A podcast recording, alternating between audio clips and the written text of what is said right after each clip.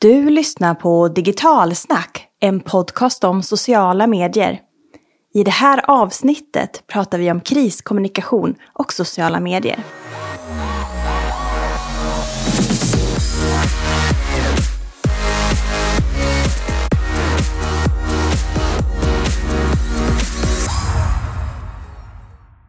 Välkommen till ännu ett avsnitt av Digitalsnackpodden. Det här är ju podden som ger er aktuella händelser inom sociala medier. Och det här är en lite annorlunda podd, för vi lever just nu i en ganska annorlunda värld. Om inte säga helt unik. Vi har ett virus som sprids runt om i världen. Och det här påverkar ju all kommunikation runt oss.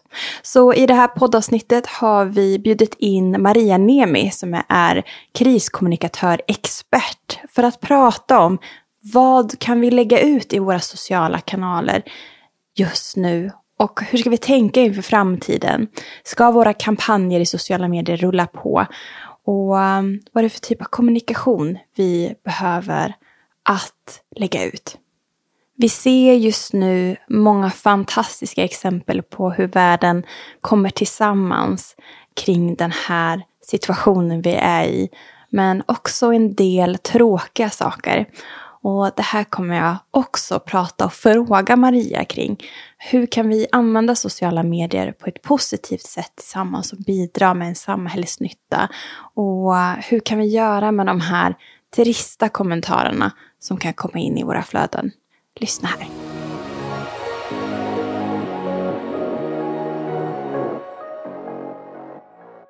Välkommen till Digitalsnackpodden Maria Nemi. Ja, tack så mycket. Kul att vara här. Du, berätta lite kort om vem du är för våra lyssnare. Ja, eh, jag heter Maria Nemi och eh, driver företaget Tue sedan eh, fem år tillbaka jobbar mycket med strategisk kommunikation där kriskommunikation är en väldigt stor del. Jobbar även med normkreativ kommunikation och skrivande.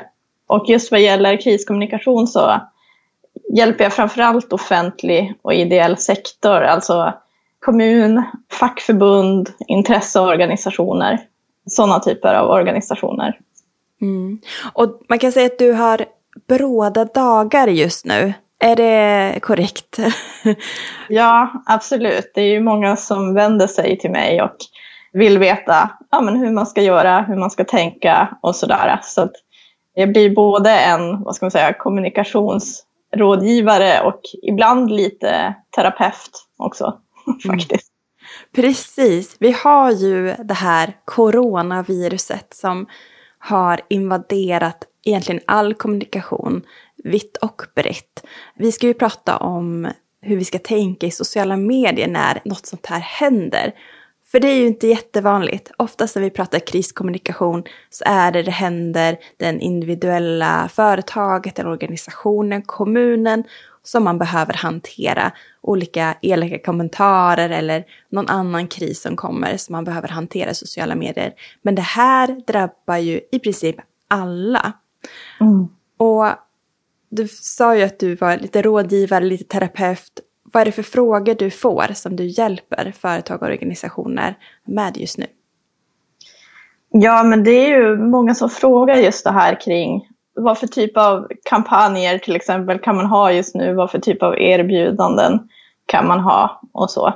Jag tror också att många, många undrar över hur allvarlig situationen är och det är ju en allvarlig situation det, det är en helt unik situation faktiskt. Eh, för jag tänker, både du och jag är ju den generationen som inte har upplevt någonting liknande tidigare. Alltså något som verkligen påverkar alla människors vardag.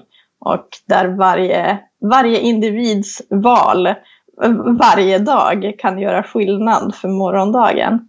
Så det får jag ju också såklart mycket frågor om hur, hur allvarlig situationen är. Och där kan ju jag bara utgå från myndigheternas information och förmedla den vidare. Men ibland kan det ju vara nog så svårt att hålla reda på, på den informationen också. Mm. Och vad man kan tänka sig i vanlig kriskommunikation så kanske man har en kriskommunikationplan eller någon tanke hur man hanterar det. Men här när det inte drabbar en direkt utan mer indirekt. Hur kunde mm. vi ha förberett oss bättre? För vad man kan se nu är att väldigt många härmas. Någon mm. lägger upp ett blogginlägg, så här gör vi, vi tvättar händerna innan vi skickar produkterna. Mm. Och sen så blir det som en epidemi bara det är liksom kommunikation på sociala medier, att alla lägger upp de här inläggen. Hur kunde vi ha förberett oss på ett bra sätt? Mm. Ja, jag tror att många märker nu att, eh, för det första tror jag många märker att de inte har någon plan överhuvudtaget ens för vanliga kriser. Så, att, så det är för det första att eh, det här är väl ett tillfälle om något att se till att man har en plan från första början. Men sen så gäller det också i själva planen att alltså, tänka, att kunna ha fantasi nog att tänka på det allra värsta. Alltså bädda för det allra värsta som kan hända. Och där kan man ju tänka sig allt möjligt, alltså naturkatastrofer och ja, men pandemier såklart och krig och terrorattacker och så vidare. Det gäller att liksom våga tänka in allt sånt från början för att även om det känns osannolikt i det läge man är i, i den stunden så är ju konsekvenserna enorma.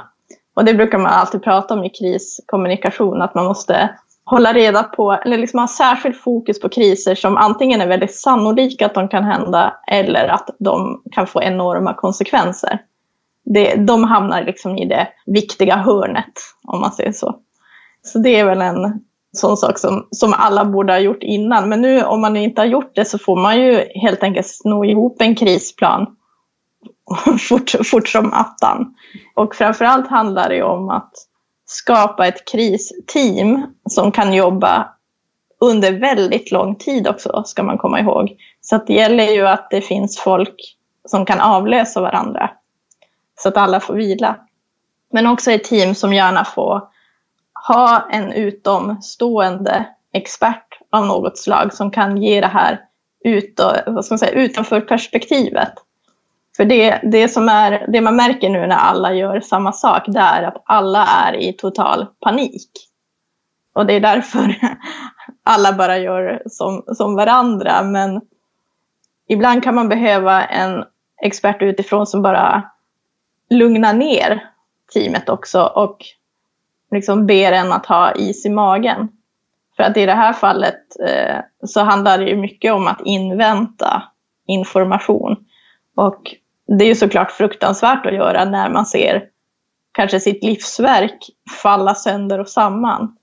Men även här tror jag att vi alla måste försöka lita på, på myndigheterna och den välfärd vi har byggt upp. Och vi har faktiskt ett samhällssystem som går ut på att ta hand om varandra. Och även om vi inte har alla svar precis här och nu så så kommer det komma svar och det kommer komma stödpaket och, och så vidare. Så att försöka liksom... Sitta still i båten? Ja, sitta still i båten lite, åtminstone några veckor. Mm. Det finns ju kanske vissa branscher som drabbas väldigt hårt av den här krisen och vissa mm. andra branscher som, som kanske inte drabbas lika hårt får man köra liksom business as usual på sociala medier? Mm. Mata på med sina budskap, sina liksom annonskampanjer? Eller gäller det liksom generellt sett när hela samhället, alla våra flöden fylls av coronainformation? Blir det konstig kombination? Hur ska vi mm. tänka? Ja, alltså det blir ju väldigt konstigt att köra precis som vanligt för att för det första så framstår ni ju som att man inte känner till vad som händer. Och jag menar, det är aldrig bra att framstå som, som korkad på det sättet eller ignorant. Men sen är det också, får man komma ihåg att folk har ju bara corona för ögonen nu. Och det är ett enormt informationstryck. Och våra hjärnor har bara kapacitet att ta in en viss andel information. Så att det är också att liksom, vad heter det, elda för kråkorna helt enkelt. Men däremot tänker jag, om man nu ändå vill göra någonting, för att det finns väldigt mycket man kan göra, då handlar det ju om att i så fall kommunicera saker som kan bidra i det här. Där har jag sett jättemånga bra exempel på det. Det kan ju handla om Ikea i Kållered till exempel som skänkte 50 000 munskydd till vården. Det är klart att de ska kommunicera det. Nordic Choice Hotels har erbjudit att låta sin personal städa och laga mat i sjukhusen. Jag menar, det är ju en fantastisk sak de ska berätta om. Företaget Louis Vuitton har ju ställt om från parfymtillverkning till handspritstillverkning. Alltså jag menar, sådana där initiativ gör ju att även om de kanske inte tjänar pengar precis här och nu så kommer det göra, alltså det kommer ju lyfta deras varumärke så mycket. Så man måste ju också tänka framåt. Det kanske kommer ske ett pengatapp för alla här och nu. Men vad händer om ett år? Om man var en aktör som bidrog till människors, ja, för det första liv och hälsa, men också deras vardag under tiden. Det kommer ju ge fantastiska effekter. Så man ska egentligen tänka just nu hur man kan dra nytta lite av PR-effekt via sociala medier och inte fokusera så mycket på ja, direkta sälj till liksom, produkt och tjänst. Ja, precis. Exakt. Utan fokusera på vad kan ni bidra med. Och det kan ju vara om det inte är till, till vården, för det, alla kan ju inte bidra till vården förstås. Men jag menar alla de här initiativen med livestreamade konserter, klubbar, jag såg en, eh, jag själv dansar lindy hop och jag såg en dansförening i Seattle som nu håller lindy hop-kurser online varje kväll. Jag menar, och yogapass och allt vad man nu har kunnat se. Sveriges kortfilmfestival här som, som ska vara här om ett par veckor, de kommer sända alla kortfilmer live. Jag menar, sånt gör ju verkligen skillnad i människors vardag. Så att, eh, där har man ju allt att vinna. Jag menar, om man tar Lindy Hop-föreningen här, kanske få en massa folk att dansa Lindy Hop och då kommer det strömma in Lindy Hop-kunder till hästen. Mm. Och det är ju inte bara mörker i det här, precis som du är inne på. Det här liksom med kärlek och framförallt måste vi säga tack sociala medier för att de binder samman mycket människor i den här mm. krisen. Vi ser hur det applåderas på eh, balkonger klockan eh, 20 varje mm. kväll för liksom att hedra vårdpersonalen. Som du säger, man väljer att liksom streama kultur så att folk ändå får ta del av det. Hur kan man också använda våra kanaler för att liksom sprida liksom kärlek, värme och support i de här tiderna? Ja, alltså det absolut viktigaste är ju att nå ut till den äldre gruppen som nu ju är satt i karantän. Och som också många av dem missar ju mycket av den information som kommer ut för alla har inte tillgång till bra internet eller, eller vet inte hur man använder internet på ett bra sätt. Så det tycker jag är det absolut första. Liksom, hör av er till, till era gamla. Men, men sen också förstås, håll kontakt med varandra. Med, nu är det många som måste jobba hemifrån. Hör av er till era kollegor. Ta, jag tog häromdagen en Skype-fika med en kollega och sådär liksom hör av er till folk som ni har velat höra av er till tidigare men kanske inte har hunnit. Nu hinner ni kanske göra det, så, så passa på att göra det. Mm. Vi drog igång ett initiativ på Digitalsnack för några veckor sedan, den digitala kafferasten, där vi bjuder in via länk, vem som helst får joina klockan tre på onsdagar. Alla som sitter hemma mm. kan joina in, ta med sig en kaffe eller en te eller något att dricka. Är det liksom sådana här initiativ för att också binda samman fler i våra kanaler? Ja, ja men exakt. Det var ett jättebra initiativ. För att jag tänker att det man får komma ihåg nu är att alla som har lite mer introverta drag, de, de kommer ju klara det här mycket bättre. Det vill säga, man trivs att vara hemma och man trivs att vara själv och så vidare. Men alla människor som är lite mer extroverta lider ju verkligen nu av att inte få den sociala kontakten. Och för dem behövs det ju verkligen sådana typer av initiativ. Så att, eh, ja, jag tror att det kommer märkas nu för väldigt många hur viktigt det kan vara att ha en arbetsplats att gå till. Mm. Och den här gemenskapen, vi pratar om support your local restaurant, support mm. your local store. Mm. De här växer ju fram eh, otroligt stora initiativ. Mm. Ska man haka på? Hur kan man hjälpa till i liksom, att stötta mm. de som har det tufft så här i kristider? Ja, absolut. Alltså så länge man gör det på, på ett säkert sätt där man följer myndigheternas rekommendationer. Men det måste vi ju verkligen komma ihåg att det finns en framtid efter det här och den framtiden är ju byggd på ekonomi. Sveriges ekonomi bygger ju på, på alla de företag som finns och jag tänker inte minst småföretagare har ju det tufft just nu. Storföretagen har ju kanske kapital på banken och så att kunna klara sig ett tag men småföretagen behöver vi stötta och det handlar inte bara om att stötta dem eh, utan det handlar ju också om att deras skattepengar bygger ju våran välfärd. Så att det handlar om Ja, men att rädda, rädda, hela Sverige handlar ju inte bara om att rädda människors liv utan faktiskt också ta hand om vår ekonomi. Så i den mån man kan så bör man ju absolut göra det. Gå, gå och köp fika, take away, mat och så vidare. Man kan stötta på andra sätt också. Jag har sett idrottsföreningars medlemmar som köper fiktiva biljetter till matcher som inte hålls och så vidare. Alltså liksom underhåll, underhåll allt det som du tycker om och allt det som du vill ha kvar i ett framtida Sverige. Mm. kan man ju kort Och säga. fota och lägga upp i sociala medier och tagga ja. gärna någon annan tänker jag. Att man liksom kan skicka det vidare. Idag så köpte jag bullar på lokala fiket. Vart köper du ditt fika idag? Och så kanske tagga någon så att vi, vi får en liten så spridning tänker jag. Positiv ja. spridning i sociala medier. För att köpa fika supportar ju bara jag, men kan vi få liksom fler, det här med att haka an ja. som sociala medier är så bra på just nu, till varann och, och liksom pusha varann till att faktiskt eh, stötta. Det tror jag är super, super bra. Exakt. Jag menar det kan man ju göra även om man inte själv har köpt någonting. För, för jag förstår ju också såklart att det är många som nu saknar pengar själva, som har förlorat sina jobb eller förlorat uppdrag och så. Då kanske man inte kan lägga massa pengar på en massa köpefika.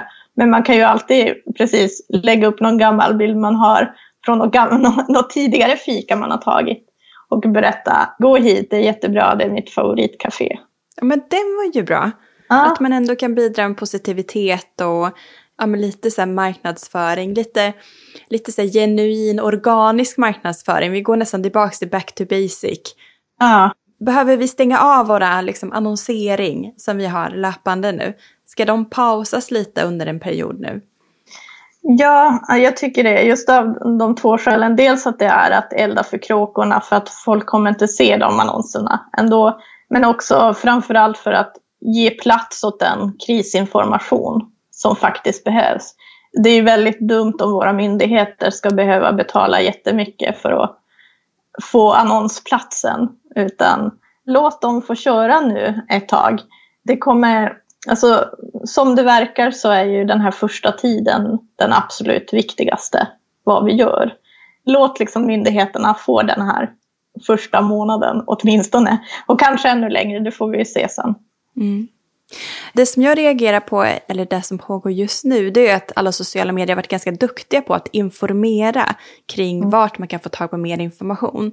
När du går in i ditt Instagramflöde så finns det liksom högst upp, här finns mer information om corona, vilket leder ju till eh, WHOs sida, samma med Facebook. Om du söker på corona som hashtag på Instagram så dyker upp en pushnotis att söker du information om coronaviruset då börjar mm. du hitta mer information här. Att man liksom hjälper till att hitta rätt information. Mm. Det här är väl ganska unikt, för jag har inte sett det här tidigare. Nej men exakt, det är ju det också, det tycker jag är otroligt viktigt att länka till säkra källor, alltså länka till myndigheter och så vidare det sprids ju otroligt mycket missinformation och väldigt mycket spekulationer. Och väldigt många har blivit både epidemiologer och statistiker och dataanalytiker och så helt plötsligt. Och jag förstår ju det intresset att, att folk vill göra sina egna analyser men jag tror att man ska försöka värja sig från sånt. Mm. Och eh, ja, men och det gör ju, det tänker jag, det gör ju också Facebook och, och Twitter och så vidare. Att de länkar ju ändå till Världshälsoorganisationen, WHO och så. Mm. Och det här med eh, pekpinnar som eh, mm. Eh, man kanske har gett sig själv. Mm. Det har ju varit ganska många så fördömande kommentarer. Främst för den här gränsen som kom, 500 personer. Mer än så mm. så får vi inte träffats. Men även om vi träffades 10 personer, 20 personer, 30 personer så blev det ju en eh, otrolig press på alla att behöva ställa in. Mm. Och det här spreds ju otroligt snabbt i sociala medier och när man la upp att eh, ikväll så kör vi med en begränsad liksom, upplaga eller kapacitet. Och sen blev det liksom en hatstorm kring det här. Mm. Hur ska vi förhålla oss till det här att det finns eh, ja, men dels riktlinjer från myndigheter som de flesta följer. Men det finns hårda pekpinnar från samhället som mm. också sätter krav från andra håll. Och där står vi liksom mitt emellan, att det är okej okay att vi gör det här, men samhället tycker inte att det är okej. Okay. Mm. Och där mm. man då tvingas nästan att ställa in för att liksom rädda kvar varumärket. Hur tänker mm. vi här? ja, alltså det där är ju liksom, det har ju två delar. Dels tänker jag på, på de då som fördömer när verksamheter faktiskt ändå följer riktlinjerna och så. Jag tänker till, till de som gör det, jag skulle säkert själv också kunna göra det om jag är stressad och upprörd, men att man ska komma ihåg att sådana typer av fördömande leder bara till defensivt beteende, till rebellande och så. Så vill man få människor eller företag eller organisationer att, att göra det rätta så är det sällan en bra metod att komma med massa liksom, hat och negativitet. Ja, vi människor funkar så, då, då vill vi ge tillbaka istället. Och även företag är ju byggda av människor. Så det är liksom den ena delen, att det är inte en speciellt bra metod. Vill man få någon att göra något annorlunda så är det oftast bättre att uppmuntra. Typ så här, skulle ni inte kunna göra så här istället? Tänk om vi skulle kunna, ja, inte vet jag, att man har en idé kring hur de skulle kunna göra istället. Men sen då, jag tänker på de som drabbas av det här, så handlar det om att ja, men så här klassisk, klassisk bra liksom, kundservice. Att lyssna, ta till sig, bemöta med empatiska svar och så. För att det här grundar ju sig i människors oro och i, i många fall också att det är helt irrationell oro. Eller inte irrationell på det sättet att det är klart att det här är en allvarlig situation. Men man måste också lita på att, jag menar hade det här viruset varit livsfarligt för varenda person, då är det klart att vi inte hade fått gå ut överhuvudtaget. Men nu handlar det om att få en långsam smittspridning där ju de flesta av oss kommer få det här viruset förr eller senare, men förhoppningsvis i olika, olika lägen, alltså i olika takt. Mm. Och det är ju också därför vi faktiskt får röra oss ute med varandra och så, för att vi ska få, vi ska få det. Vi ska få viruset, liksom, förr eller senare. Mm. Så att liksom, att företagen och organisationerna ja, men hela tiden får, vad ska man säga, känna sig, alltså så länge de följer myndigheternas rekommendationer, att försöka liksom, hålla sig trygga med det men ändå ta människors oro till sig. Det där är en otroligt svår balansgång givetvis. Ja, och kanske när vi tittar tillbaks på just den här tiden om några månader, ett halvår, ett år, mm. så kanske vi också förstår att det kanske var lite väl fördömande och kritiserande i, i vissa flöden på företag och organisationer som, som försökte göra rätt. Mm. Men eh, blev ändå det här liksom med folks oro som du pratar om. Mm. Att vi kanske skulle ha gjort lite annorlunda. Vem vet, det kanske finns ganska mycket som vi skulle ha mm. gjort annorlunda när vi tittar tillbaka på den här tiden. Mm. Ja, för jag tänker det att alltså, det som också är väldigt unikt med den här situationen är att nu sitter vi i samma båt allihopa. Alltså ung som gammal, eh, rik som fattig och så vidare vi alla drabbas nu. Alltså det, och över hela världen. Jag vet inte om det... Jag vet inte hur många sådana situationer vi har haft i, i världshistorien ens. Alltså det är, väl, det är väl världskrigen då som man kan jämföra och såklart liksom spanska sjukan och pesten och sånt. Men det var ju väldigt länge sedan. Så i det här fallet så det, det är liksom inte läge att kriga med varandra. Utan nu har vi en period här där vi alla behöver ta hand om varandra. Så himla fint. Och jag tycker ja. att vi avslutar också Maria med dina tre bästa tips till våra lyssnare kring det här med kriskommunikation i sociala medier. Vad ska vi mm. tänka på nu framöver? Mm. Ja, alltså det viktigaste tänker jag är att, att uh, svara, svara människor och svara så snabbt ni kan utifrån de förutsättningar ni har givetvis. Det betyder inte att ni måste jobba dygnet runt men ändå försöka liksom, svara varje dag så, och svara empatiskt. Just det kommer vara mycket känslor åt alla håll nu. Att, att förstå det, att det, det är så människan fungerar och att försöka liksom bemöta det på bästa sätt och inte själv gå upp i affekt så jättemycket.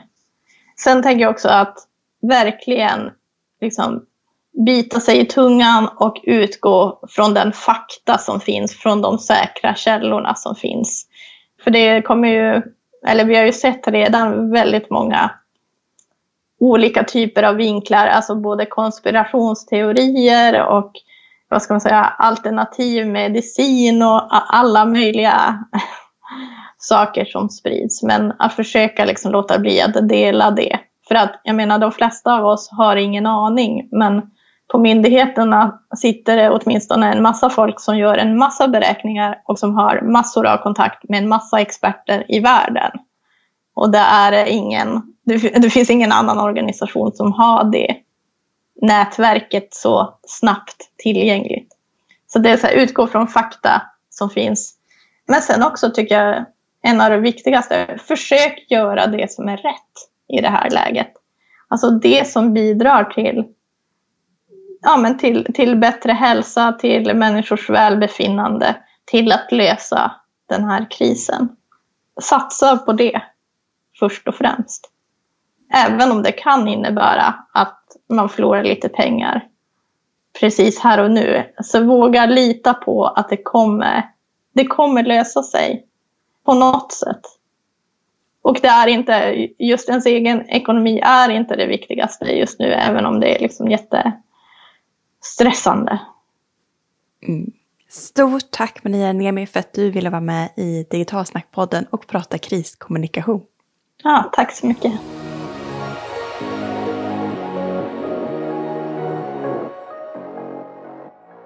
Stort tack för att du har lyssnat på det här avsnittet av Digitalsnack podcast. Vi har ju nästan 90 andra avsnitt som du kan lyssna på. Och följ oss gärna i olika sociala medier eller läs vår blogg. Där skriver vi alltid de senaste nytten om sociala medier och andra tips och tricks. Tack och hej!